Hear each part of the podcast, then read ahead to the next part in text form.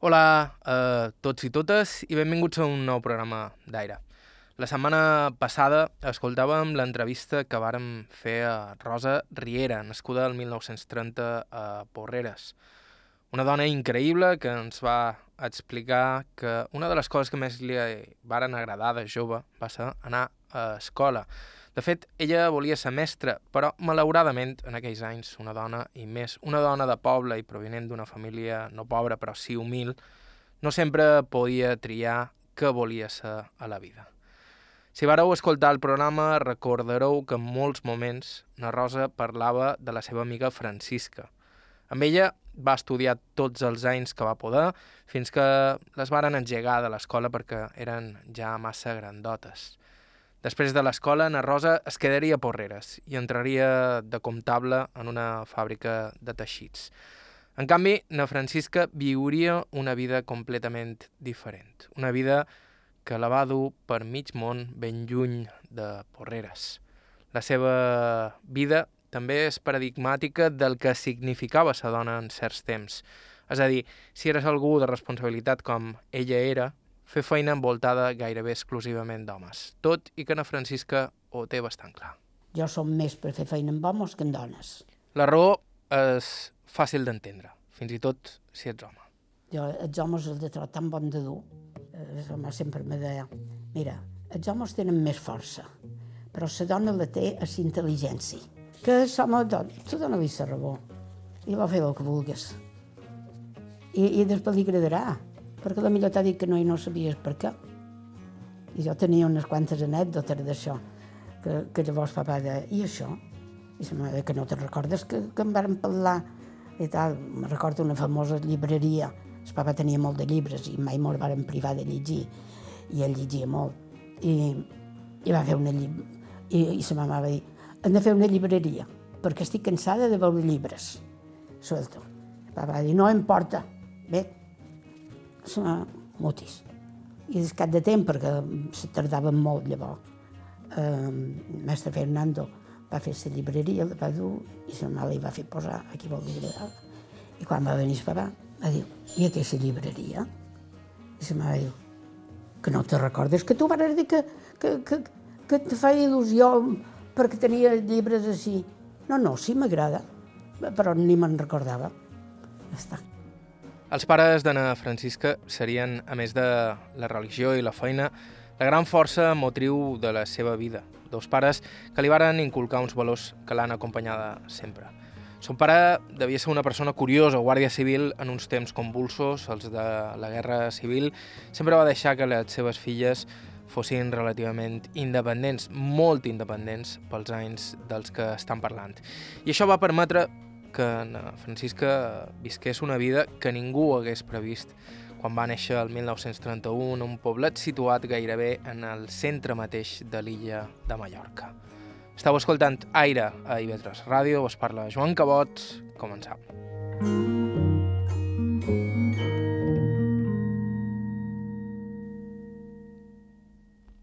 I començam pels pares d'Anna Francisca, que com hem dit fa uns segons, van tenir una influència importantíssima en la seva vida. El meu papa era, era guàrdia civil, ma mare era filla d'una casa de, de molt de negoci, de, de comprar animals i tal i tal, i quan se varen casar ja se'n varen anar a la península i varen viatjar bastant. I nomien Joan i Francisca. I això me varen posar en nom de la padrina, que llavors va coincidir que també era d'una altra, i jo som Francisca Ginart Adrobé. Vaig néixer a Porreres el 21 de març de 1931. Tenia 5 anys quan va començar la guerra. Una guerra civil que son pare va passar a Mallorca, un poc decantat pels seus companys, precisament perquè mai es va voler significar políticament. Era polític completament i degut a això va estar moltíssim concentrat per Pollença, en els presos i tal perquè el papà, jo me recordaré sempre, que jo no l'entenia perquè tenia 7 o 8 anys, i no l'entenia, però ara sí que m'entenc, de les persones que se dediquen a sorda.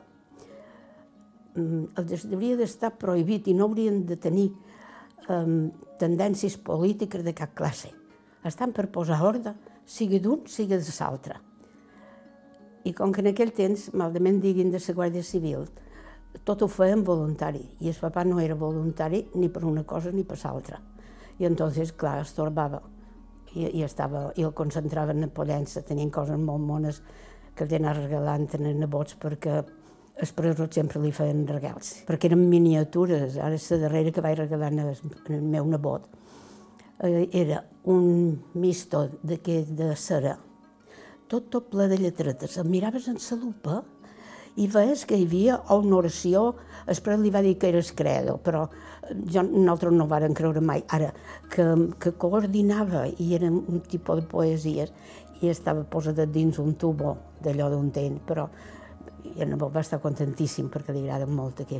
Però ho dic perquè, molt bé, tothom l'estimava, eh, se va morir l'any 71 i hi va haver una gentada que, que sa mamà i, i nosaltres mateixes tenc una germana, que és quatre anys més, més bé que jo. I estaven espantats, o sigui, no vaig passar gent malament, a Porreres al contrari, tothom l'estimava molt, molt, molt, i has de pensar que en els 54 anys se va retirar i llavors se'n va anar a fer feina Can Notari. Comprèn, 54 anys encara tu vols és començar la vida.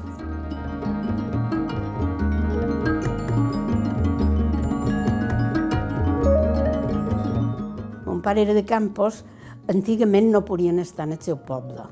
Ara tot això ha canviat, perquè però no podien. I el papa era de Campos i ma mare era de Falanit, però que tenien ja els padrins, um, tenien un gran negoci de comprar animal, compraven ovelles i compraven gallines i ous i tal, a Som Mesquida. Per content no hi havia cotxes, no podem oblidar l'època de, de bon quan xerram, no? Però si te situes, no hi havia cotxes. No, jo me recordo que a casa padrina, el, el padrí jove, venia i tenim unes fotos que tenim un cavall molt guapo, i, però el que empleava sempre era un cavall negre un cabriol. Ara ja diu cabriol i no saben el que és, però era molt còmode perquè duia les rodes de cotxe i tal. I, i era de, de ja. I quan se varen casar, se'n van anar a viure a la península i van estar destinats a un parell de puestos. I quan varen venir a Solla, però a Falanits i a Campos no hi podien estar, estaven a Porreres, que era prop. La meva germana va néixer a Solla, se'n van dur el tio que tenia set anys, perquè sa mamà per, per, fer, per estudiar lletra l'havien enviat a Palma. Tenien un tio i va estudiar a Palma una partida d'anys, perquè el padrí volia, no pensaven que si tindrien més fills o no, ella era la major, i volia que dugués els comptes del negoci. I, i va estudiar a Palma i llavors ja estava Som Mesquida també, però se va casar molt jove també. Ma mare tenia 21 anys i llavors la meva germana 20.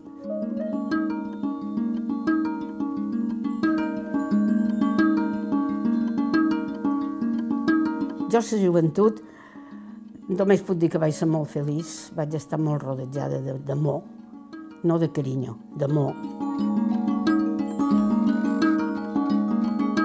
Teníem un tio un germà de ma mare que tenia 16 anys, més jove que ell, que ella, i sempre va estar amb ella, perquè quan varen venir de la península, varen anar a, Solla, i el se'n va dur que tenia 7 anyets i perquè estudiés a la Salle, perquè aquí hi havia menys. I només puc dir d'aquesta època, molt bé, fins a 16 anys, anar a escola, estudiar, perquè les nines no anaven, na Rosa i jo eren les dues úniques que ja tenien 15 anys i 16, probablement ella te contarà qualque anècdota d'aquest temps, eh, que anàvem a escola. I sempre érem, estaven a grups, i sempre érem la primera o la segona, o la segona o la primera. Jo per a Nadal sempre tenia grip i passava la segona. Però llavors fins que havia tornat a ser la primera. Però era molt graciós perquè eren la primera o la darrera perquè ja no hi havia, moltes de vegades en parlàvem amb les nines de la nostra edat, és que vosaltres sap que éreu de gran. I ja t'he dit, fins a 16 anys, um, estudiar, que, que nostre no, no m'acceptaven que no dugués bones notes, el papa i la mamà estaven en condició d'ajudar-me, cosa que també hi havia persones que no, però la mamà havia estat en el col·legi de Palma, el papa per la guàrdia havia hagut d'estudiar. I entre estudiar a l'escola, eh, acció catòlica, catecisme i comèdis, perquè tot d'una que va acabar la guerra ja varen començar, comèdis de, de la parròquia, comèdis de l'Ajuntament, que hi havia don Miquel Sala, que era el que duia de sa, de Sant Morenegrí, que li i era un gran director de teatre. I feien comèdia i tenim fotografies precioses i tal. Comèdia mallorquina, sí. Jo no vaig sofrir mai això que de vegades diuen ai, me'l fan xerrar en castellà. Estudiàvem en castellà, a mi me va anar molt bé, molt bé, perquè record que quan me'n vaig anar a França deien eh, per què tenen tanta facilitat? Eh, que tenia facilitat, i record que hi havia una amiga, que era una formadora, i de, perquè a Mallorca tenen l'avantatge que des de que neixen ja, tenen, ja dominen dos idiomes, xerren castellà i xerren mallorquí.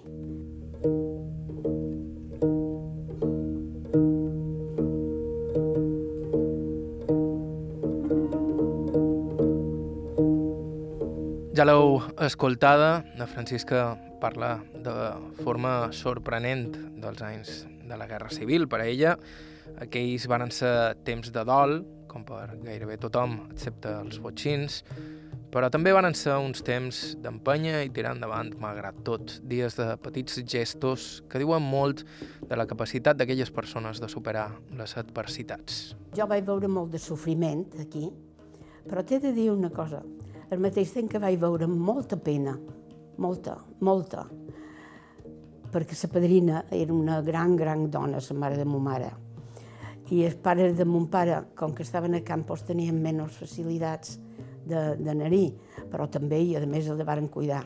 Nosaltres som família cuidadora aquí. Jo he viscut en les dues padrines, perquè llavors se va morir l'altre padrí, i les dues padrines vivien aquí, totes dues.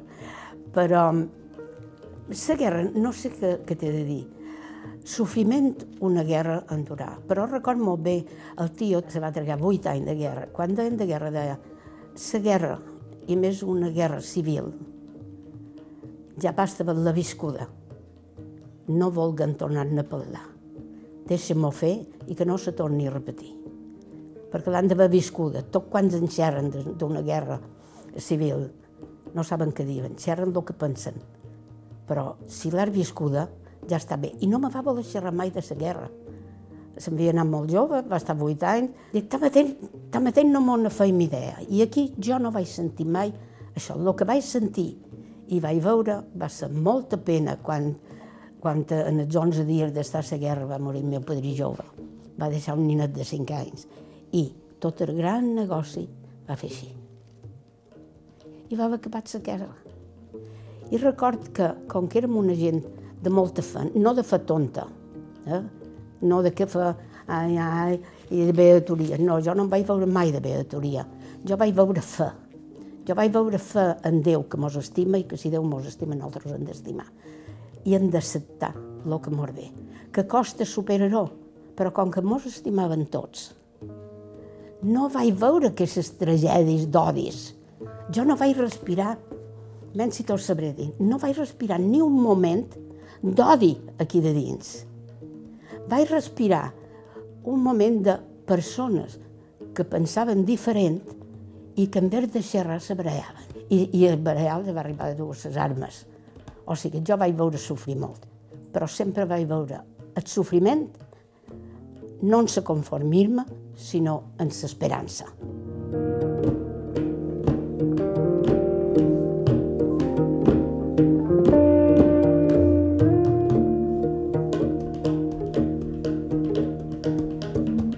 Gent duia dol. I record que quan llavors la mama va saber, bueno, va saber, ja va ser més major, jo li vaig comprar una, un target, li vaig dur, i el papa va dir, vestiu la mamà de, de color, perquè tota la joventut l'ha vista de negre, jo no.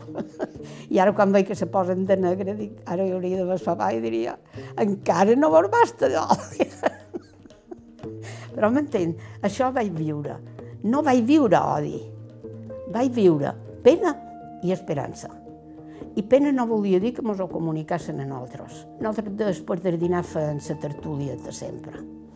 I, i es va dir, la pena ve sense que la cerquin. I, i sa mare, i, i sa i aquí en les converses i tal. Però l'esperança sempre ha de ser més forta que el que passar. Hasta m'ho va dir un metge que tenc una particularitat, i jo dic que és que de petita m'hi varen criar, però lo dolent ha volvit amb una facilitat impressionant. Pens que és que quan té petita, jo en vez de donar-me peu, me de, pensa tu el que has fet. Entens? I si ho pensar diria, clar, jo he donat peu. No que me culpi, eh? ojo, perquè jo no me culp, però m'agrada veure de què puc aprendre i això t'ho han donat des de, des de nit.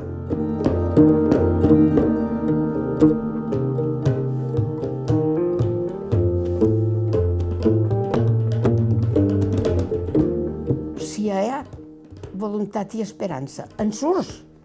Jo, després de la guerra, jo vaig veure que compràvem un pa i m'ho havia de bastar per tot el dia perquè no hi havia dos per més. Entens? Eh, això vaig viure, però no vaig viure en desespero o que aquell te s'ocupa. Eh, això tal vegada hi vaig estar molt, molt educada. Que quan jo deia, però ara m'han fet, i aquell te s'ocupa i tal. Tant si era el papa com la mamà, que vivíem més sense la mamà, perquè el papa moltes vegades no era. I de, mem, mem, i en això no hi has tingut res que prendre. I tu no hi has pres part de res, de res tota la culpa la té un altre. I, i me recorda molt bé d'això, que me deien, si sempre dones la culpa a un altre, no creixeran mai. I després, quan he estat més major, i que fet feina, això me donava molta vida, perquè si, si sempre tens la culpa a l'altre, eh, tu, tu, tu ho fas bé sempre i, i, i vas de dir, va.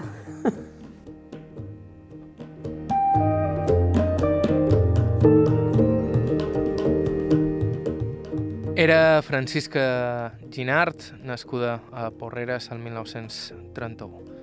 Estau escoltant Aire a IB3 Ràdio. Fem una breu pausa i continuem.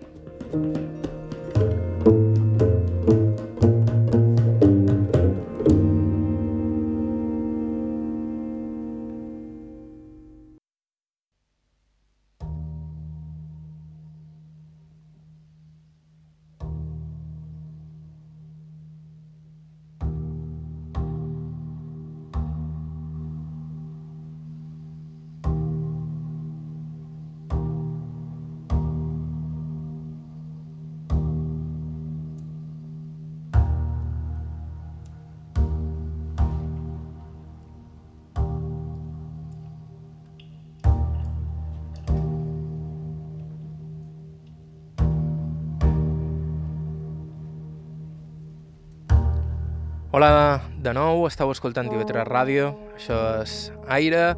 Avui estem escoltant la segona entrevista que vàrem fer a una parella d'amigues, totes dues nascudes a Porreres, que varen viure vides paral·leles durant la seva infància i que en cert moment es varen bifurcar. La setmana passada Escoltàvem Rosa Riera, nascuda el 1930. Avui és el torn de Francisca Ginart, que va néixer uns mesos després, ja el 1931. Na Francisca diu que ha viscut moltes vides en una i nosaltres acabam d'escoltar la vida de la seva infància, una infància que, tot i creuar-se la Guerra Civil per allà enmig, just començar, va ser en general feliç, sobretot gràcies a l'educació que li varen donar els seus pares. Sofriment, i ho repetiré mil vegades, sofriment, miseri, em vaig viure. Però sempre amb esperança. En vez d'odi i rabi, no. Posar, ara, no mirar al cel, perquè jo crec que vaig ser l'única que vaig dir, jo he d'ajudar que nostra. Però no vaig dir, ai, jo vull, jo vull, jo vull. Què sé fer? I de treure partit a el que fas i estar atenta en els trens que passen. Aquest no perdre cap tren i sempre estar atenta seria una constant en la vida que duria a Francisca a partir de l'adolescència. Va continuar estudiant tant com va poder, juntament amb na Rosa, i a més, ella era molt creient i des de joveneta es va implicar amb l'Església. I a partir d'aquí, la personalitat inquieta d'Anna Francisca va anar dictant el seu propi destí. Me varen fer ser presidenta d'Acció Catòlica, que entonces hi havia l'Acció Catòlica, i que no sé si en xerren bé o malament, però a molta de gent li va fer molt de bé. Va ser quan va començar Càritas, per primera vegada que va ser Caritat molta gent no ho sap i se pensa que és una ONG de tal. No, va començar unes senyores d'acció catòlica de, de Madrid, va començar a Madrid, varen veure que hi havia molta, després de la guerra, hi havia molta misèria, i jo vaig ser la primera delegada de Càritas a Porreres, perquè jo era molt agosarada, jo m'atrevia. I, I tenies 16 anys llavors? O quan sí, 16, 17, 17, 18, perquè vaig ser un parell d'anys. Però a d'haver de set anys jo me vaig plantejar que a la vida havia de fer alguna cosa, però me trobava, i que sé fer? no, no hi havia res per fer. No hi havia com ara que puestos de feina i, i que la gent diu, jo vull això. Entonces, jo me vaig plantejar. I clar, jo, jo pensava bastant. I vaig dir, bueno, que sé fer. No vaig pensar que vull, perquè sabia que això no tenia. Que sé fer. Jo a escola havia après a brodar, a dibuixar, a pintar, a part de les lliçons ben sabudes i la primera. Si no, ja no anava bé. I vaig dir, tenia una amiga que en la guerra havia estat aquí, que eren refugiats, i varen continuar sent amigues. I estava a Barcelona de caixera a Santa Cana, que és una gran tenda que encara ara és una generació i una altra que segueix. I li vaig dir, tu no coneixeries qualque representant? Perquè jo a Can Pons i Bonet vaig veure que hi havia un mocadorets i jo ho sé brodar. I tal. I allò va dir un representant i va dir, bueno, pues que m'enviï. I jo vaig fer un parell de mocadores, vaig brodar, el que sabia fer i tal. Ho sabia fer molt bé, això és dit, dit de passo, perquè ho vaig enviar i aquell jove, que era un representant jove que hi havia, tot d'una va col·locar. I me'n va demanar més. Pic. I jo, vinga, vinga, vinga, vinga. I eh, ja vaig dir, na Rosa va ser de les primeres també, que, que li vaig dir, perquè no brodes, és que jo sabia que a escola sabien brodar, i vam anar enviant. Fins que un dia el papà em va dir, Francisca, jo, tu saps que t'he deixat fer, tu trobes que haver de fer, ja està, però penso una cosa, el dia menys pensar, no vol dir que aquest jove no sigui bo, però que no el paguin a ell. I tu, perquè el papa me va deixar un dobbers per comprar tissú, per comprar la eh, matèria prima, diguem. I me va dir, només que una factura no t'enviïn els dobbers, hauràs perdut tot quan hi poses. Ves pensant, anem a veure què pot fer. Bueno, jo des de joveneta Eh, sempre totes les coses, jo dic que havia resat, altra gent dirà ho pens. Jo no ho pensava. Jo ho resava de, en les vostres mans a, a, a pos. Feim-me veure, jo ho resava a, Déu, això sí que és ben cert. I estant amb això, un dia jo feia catecisme, i quan vaig venir de catecisme vaig trobar aquí, hi va haver un senyor i una senyora, i, i va venir de nou. No hi havia telèfons, i la mama va dir, és que volen conversar amb tu de coses de feina. I me varen venir a oferir que, que tenien unes tendes a Palma, que havien vist un brodant meus, no he sabut mai bon, però a través de Falanits era. I me varen donar feina. Me'n varen donar tanta que ja em vaig de, de posar més en lotes però ja era una altra cosa, ja eren ells que mostraven cara i tal. Des d'una temporada va anar malament. Eh, en Jaume se va estendre més de, de lo que s'havia d'estendre i jo vaig veure que començava a anar malament. I jo vaig començar la mamada que tenia molta vista eh, i la que en tenia era ella, que era una gran comercianta. Però dic, vaig tornar a començar a resar-ho i posar-me en mat de Déu. I un dia, altra vegada, quan venia de, de l'església, vaig trobar un, un altre matrimoni, però era un altre, que me venien també a oferir feina, que me cuidàs, perquè els agradava molt eh, així com ho feia i tal. Total, me vaig posar amb aquesta altra gent. La Francisca, també amb aquesta altra gent, va donar feina a moltes de les seves amigues. També a la Rosa, que feien tota mena de peces, moltes d'elles per exportar. Mocadors i bruses i mantels, enviaven molta de cosa, enviaven molta de cosa a Suïssa. Jo no, no concebia estar aturada i, i sense ajudar la família, però sempre diré el mateix. Els gràcies en els pares que vaig tenir. Mon pare i ma mare no veien fantasmes per tot. D'ara si jo anava amb balots o si no anava tenien pendilles de, de lot perquè en tot això hi havia nins per mig, però que també estudiaven i, i, i en fi, un, que s'enamorava, un altre, totes aquestes coses, i són tant que quasi, quasi no li dono importància, m'entens? Perquè a un t'agradava però no podies, un que venia de Campos, em va dir Francisca, dic, jo no t'entenc de tenir nòvio ara, no, no venguis, perquè havien de venir en bicicleta, dic, no venguis, um, aquí en tenien dos o tres.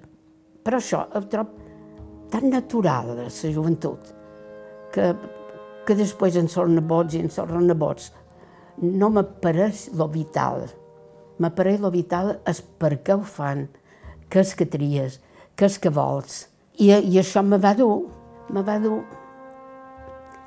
que com que jo estava bastant en religió, hi havia coses que no en tenia, no m'agradava.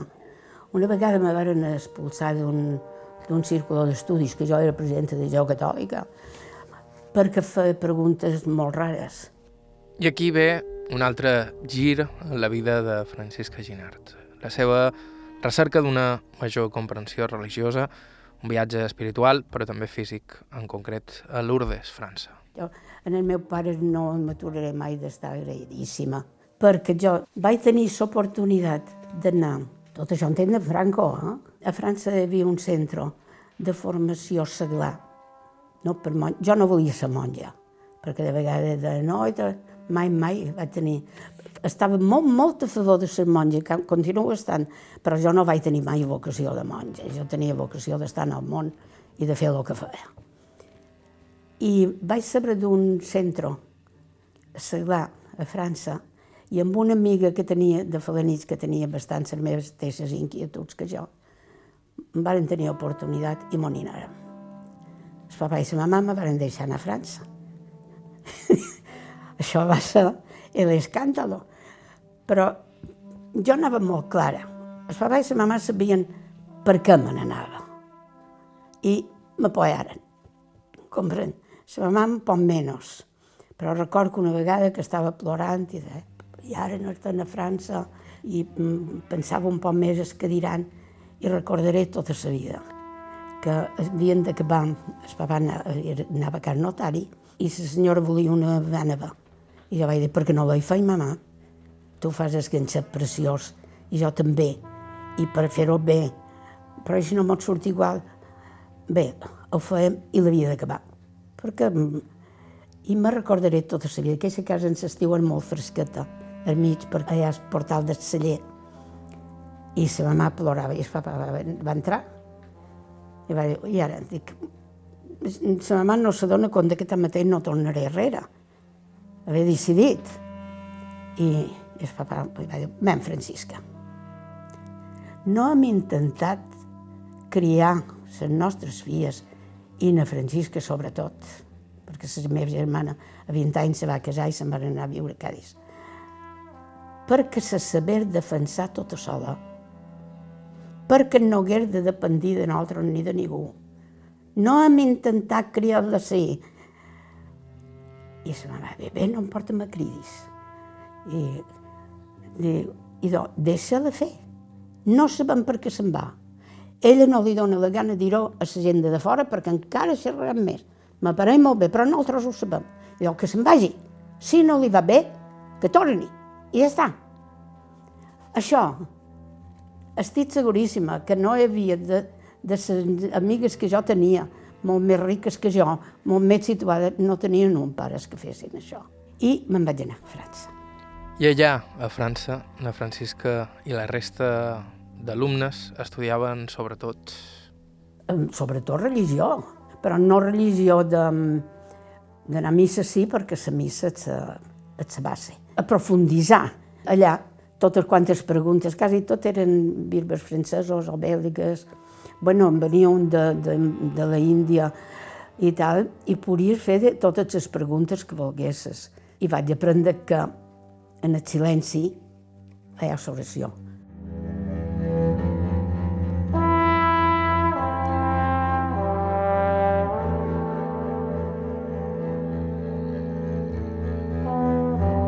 Em vaig anar per 15 dies i vaig estar 7 mesos.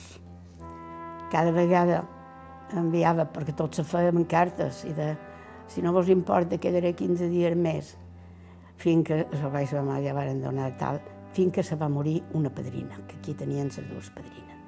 I el papa me va escriure i me va dir, tu sabes, eh, tu sabes que no te necesitamos económicamente, que sempre era lo que deien les monges, pero mamá te necesita.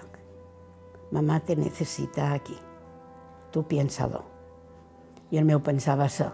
Em vaig anar directament, vaig llegir la carta, me la vaig posar dins la butxaca i me'n vaig anar a, a l'estació a cercar un bitllet per anar cap a, cap a, cap a Barcelona i venir cap aquí. I això va acabar aquesta etapa meva, però jo la formació que vaig rebre allà no la canviaria ni siquiera per la vida. Mira què te dic, eh? ni siquiera per la vida.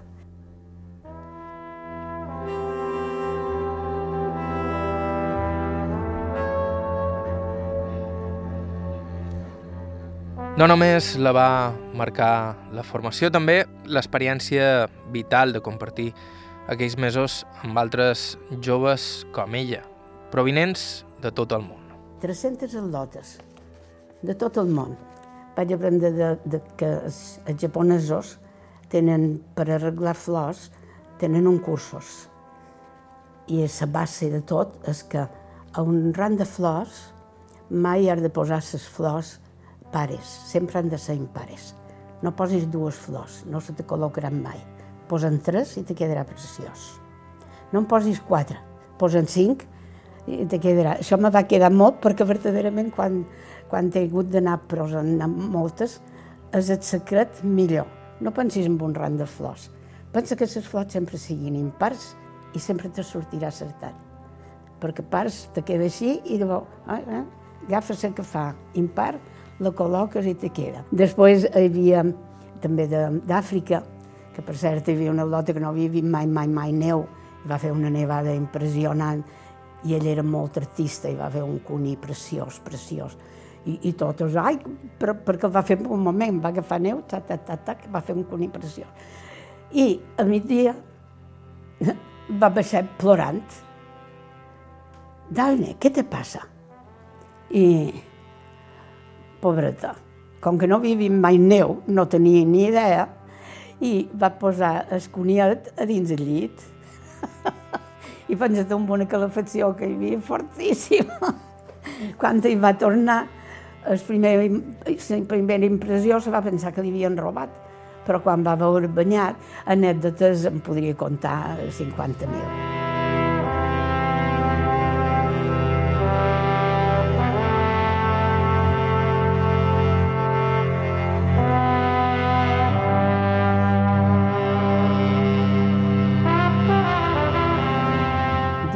quan hi era un gran savi, Eh, que, que quan ja no pots xerrar de Déu és quan ell entra a tu. Perquè no poden xerrar de Déu, no, no te pot dir res, tanmateix no te convenceria ni res. Ara, quan has acabat de xerrar-ne, després ell actua. I això me va passar així, entens? I va ser el motor de la meva vida.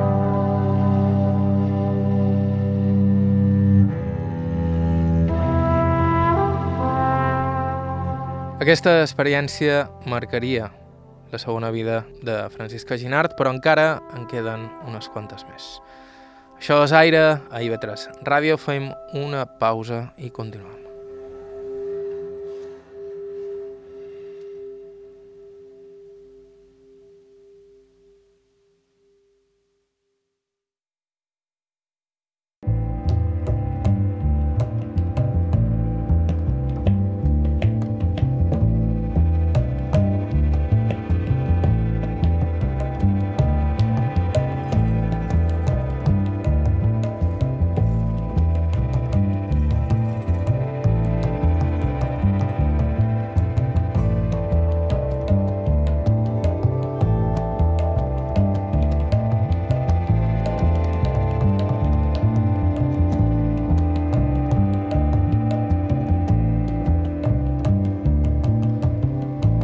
Benvinguts de nou, estàu escoltant Aire a IB3 Ràdio avui, de nou a Porreres, amb un programa que podríem haver titulat Les moltes vides de Francisca Ginart. En honor a la nostra protagonista d'avui, que tot i haver nascut el 1931 en una família relativament humil i al vell mig de Mallorca, la seva inquietud i força de voluntat la va dur amunt i avall a viure unes experiències poc convencionals pels anys dels que estan parlant. Però recordam que si voleu escoltar el programa des del principi o recuperar qualsevol dels nostres programes anteriors teniu tot l'arxiu d'aire a ib3alacarta.com. Nosaltres continuem amb el programa d'avui i de fet ens havíem quedat just en el moment en què Ana Francisca tornava de França, després de vuit mesos d'estudi religiós i un cop de nou a l'illa, en poc més de 20 anyats, li tocava encetar una nova etapa que comença a l'hotel Bahia Palace de Palma i acaba a Gàmbia, Àfrica. Devia tenir 20 anys o 21. Sí, devia 20, 20 21. Exactament no ho sé perquè no me fixava molt en l'edat. Però aquí, brodant, entre el que brodava jo, que feia una feinada, i el que me brodaven les lotes, guanyava unes 15.000 pessetes cada mes. Era un soldasso. Quan vaig tornar, per circumstàncies X molt particulars, me'n vaig anar a fer de camarera en el Bahia Palace, que havien inaugurat fa molt poc, per guanyar-ne 2.000 i va de viure a casa germana.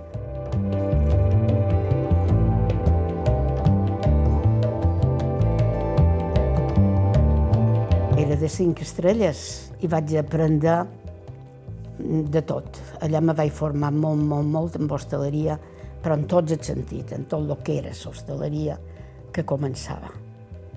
I, de repente, amb una amiga de Palma, en Narboe va sortir la primera disposició que havia aconseguit en Pilar Primo de Rivera, que era de Falange, però va aconseguir que les dones entrassin a dins del govern a fer feina, el mateix dels homes, a qui bon volguessin.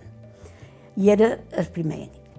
I me recorda que en Magdalena Pons i en Maria Barceló um, Francis, per què no hi vas?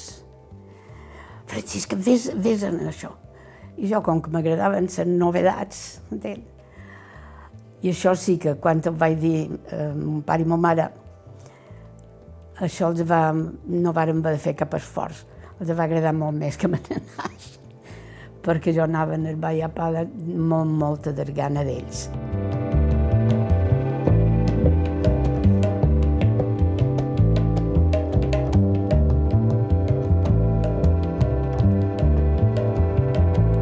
Vaig anar a Madrid. I era per fer unes oposicions d'entrar en el Ministeri de Treball, de formació professional. I aquí entra això que de vegades he sentit molta de gent que diuen les monges eh, t'ensenyaven el catecisme i t'ensenyen a resar i tal. Jo també vaig anar a les monges franciscanes que feien escola aquí. Quan me'n vaig anar al Ministeri, a aquestes oposicions, jo estava assustada, perquè havia de tenir un nivell cultural vaig haver de passar uns exàmens que jo estava assustada, t'he dit la veritat, i vaig treure el nivell de batxiller. Aquells mesos a Madrid preparant les oposicions serien de nou una llau d'emocions per la Francisca. Bueno, va ser, va ser meravellós. Eren tants, tants, tants. Jo estava en una residència d'estudiants. Vaig posar colzos a volar te mentiria si te digués que vaig arribar allà a llegar i besar el santo. No. Vàrem ser tanta, tanta de gent, tanta, tanta de lotes. Hi havia una quantitat de lotes universitaris en carrera de Madrid, um, dues que molt varen fer molt amigues, n'hi havia unes que eren assistentes social, que era l'única carrera, llavors se podia estudiar assistentes socials, o mestre d'escola no n'estudiaven més, i aquí no hi havia res, perquè per estudiar havien d'anar a Palma i a casa nostra ja bastava subsistir. I va ser molt bo, molt. Teníem examen cada setmana molt forts. El matí teníem exàmens, el dissabte, el matí, tot el matí, tot el matí, però que no podien sortir. I després estàvem 5 mm, o 6 hores en psicòlegs i cada setmana érem eliminació. De, de la gent que hi havia el dissabte a la que hi havia el dilluns, jo tenia una gana loca de veure si, si, si pensaven que serviria o no, però que m'enviassin a casa nostra, no, no. Mira, i tornava, i tornava. N'hi havia que el dissabte sí que sempre m'on anàvem de gresca. Érem una pandilla de joves i de lotes, perquè llavors te vas triant. Quan això, uns se n'anaven, uns eren casats, uns altres no, però també llavors hi havia... I m'on anàvem al teatre, i m'on anàvem per cas Cascorro, anar de, de juerguetes i de cerveses. Va ser quan vaig conèixer la cervesa negra. Vull dir que mos ho passàvem en grande. Però altres anaven tota la setmana i jo me n'anava a posar colzos, com te dic, perquè tant d'una cosa com de l'altra, tant de, de cultura general com tot, m'havien posat la valida de, de batxiller, però jo mateixa quasi no ho crec, jo m'entenc. I de tantes, i tantes universitaris i tal, i vaig treure el número 1. Jo ni m'apareixia ni m'apareixia vera. Na Francisca Ginart formaria part d'aquella primera generació de professors de formació professional, especialitzada en hostaleria. La seva feina recorre la península i les illes posant en marxa cursos adreçats sovint a una població reticent en aquells anys de l'Espanya de Franco. Llavors ja estaves a disposició i sabies que com a màxim estaria sis mesos a cada puesto. I el primer destino que me varen donar va ser Vigo.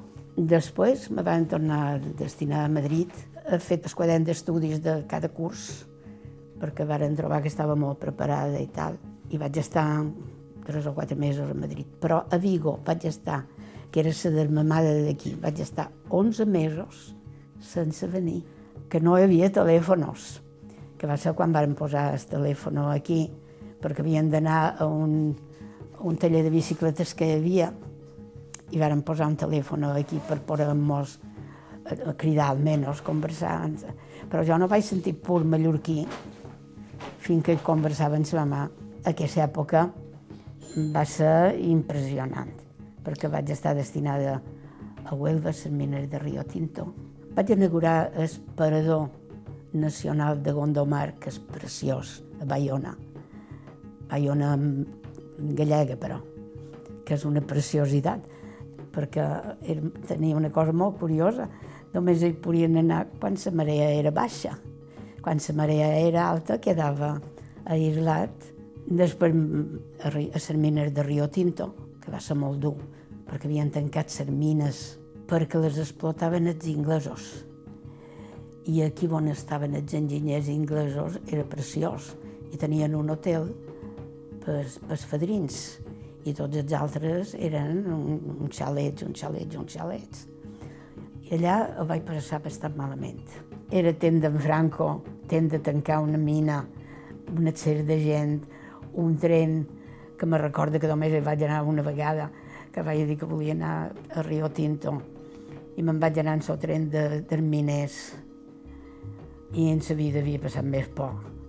Perquè jo ara dic després, quan he estat major dic, no és que me mirassin amb mals ulls sinó que com que eren persones molt rudes, molt rudes eh, quan te miraven per així que, i més en tots els miners i només hi havia una lota jo en aquell temps era una lota alta, prima i anem allà i en canvi llavors hi havia l'altra mina oberta però tot això me va dur bastanta feina, perquè eren desconfiats. Jo vivia en el Campilló. A Campilló no eren més que dos carrers de miners, que cada casa només era una habitació.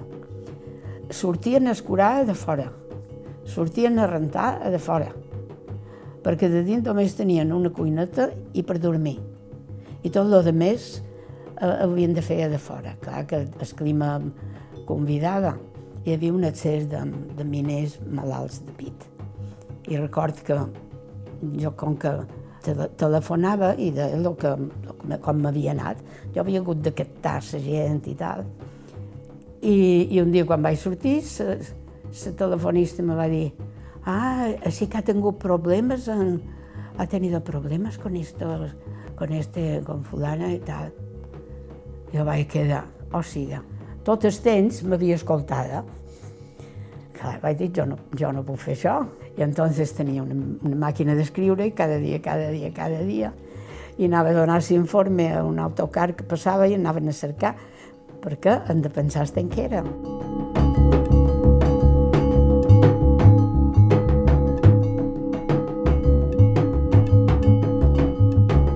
En tot cas, la vida encara li tenia preparat un nou tomb. La Francisca era llavors donant cursos de governanta a Mallorca i la varen venir a cercar per entrar en el sector privat. Però en tot això, un dia varen venir dos senyors, eh, demanem governanta, perquè també donava cursos de governanta, eh, que necessitaven una governanta perquè havien d'inaugurar un hotel eh, al CUDI.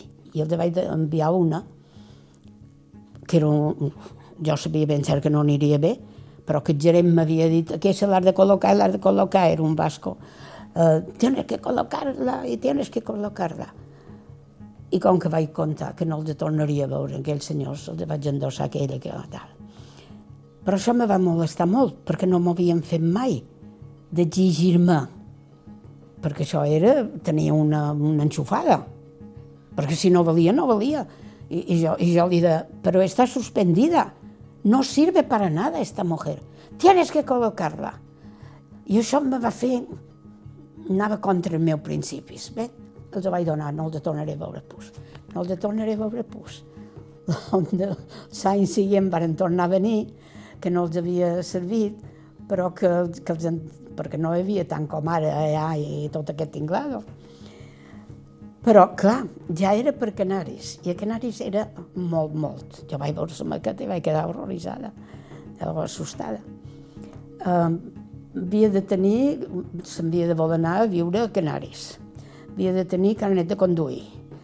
Havia de... Ta, bueno, tantes d'exigències. Jo, jo crec, i me tornaven a cridar i tornava a anar.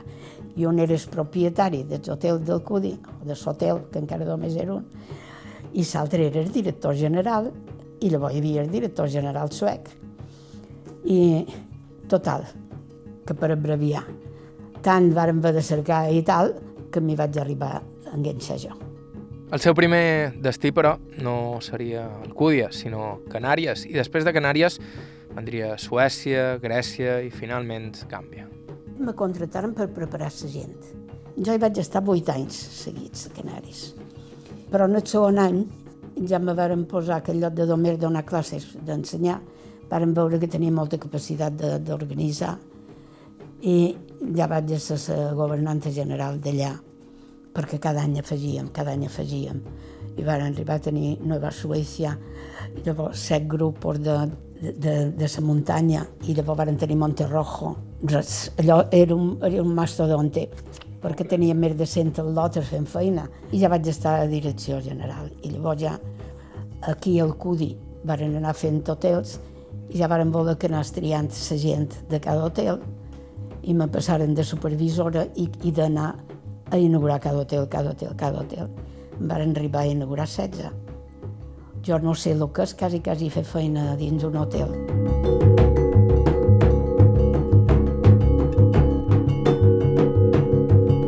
agradava que miràs els, els planos, perquè tot era fet d'homes.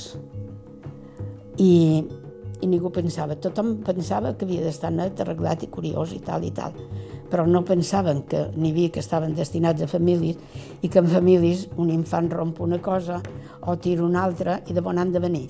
De les ximpampes jo me, me, me discutien els enginyers, perquè no, però aquí fes aquí, aquí fes una ratxa més i aquí jo era, amb això tenia molta manya. I varen arribar a tenir um, a Canaris una barbaritat, perquè Rocas Rojas, Monte Rojo, Nueva Suecia era enorme, tot ho havies de fer en cotxe.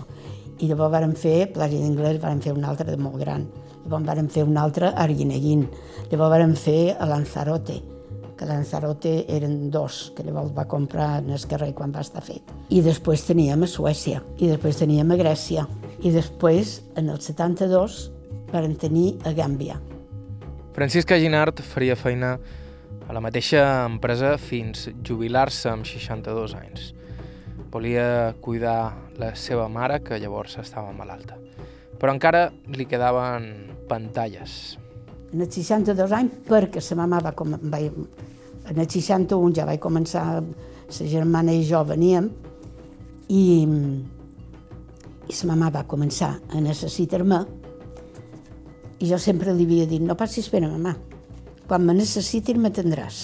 Però estava amb el tio, que tenia 16 anys menys, i a més ella tenia locura per, per germà, i en el 62 me vaig jubilar. Vaig venir a Porreres i vaig estar un parell d'anys ja fora de, de tot, només dedicat a elles. I quan se va morir sa mamà, llavors vaig estar vuit anys a l'Ajuntament, quatre anys de suposició i quatre anys de sanitat i benestar social. Quantes vides caben dins una vida? Na Francisca segur que te diria que moltes.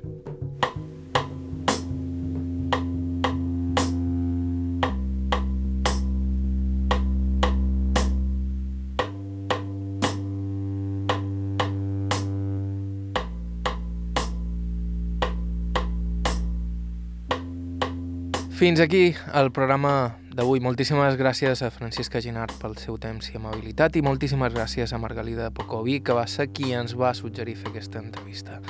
Però recordam, un cop més, que sempre estem cercant testimonis, així que si ens voleu proposar alguna entrevista ho podeu fer per correu a aire.ivetresradio.com o deixar-nos un missatge en el 971 13 99 31. Si vos voleu subscriure al podcast del programa ens trobareu a iTunes i de més serveis similars i l'arxiu complet del programa el teniu a ivetresalacarta.com. I si voleu veure imatges dels nostres entrevistats i fotografies relacionades amb aquest programa i altres programes que hem fet, ens podeu seguir a Facebook i Instagram. Bàrbara Ferrer, la producció executiva, Iker Hernández, com sempre, la producció tècnica, vos ha parlat Joan Cabot. Fins la setmana que ve.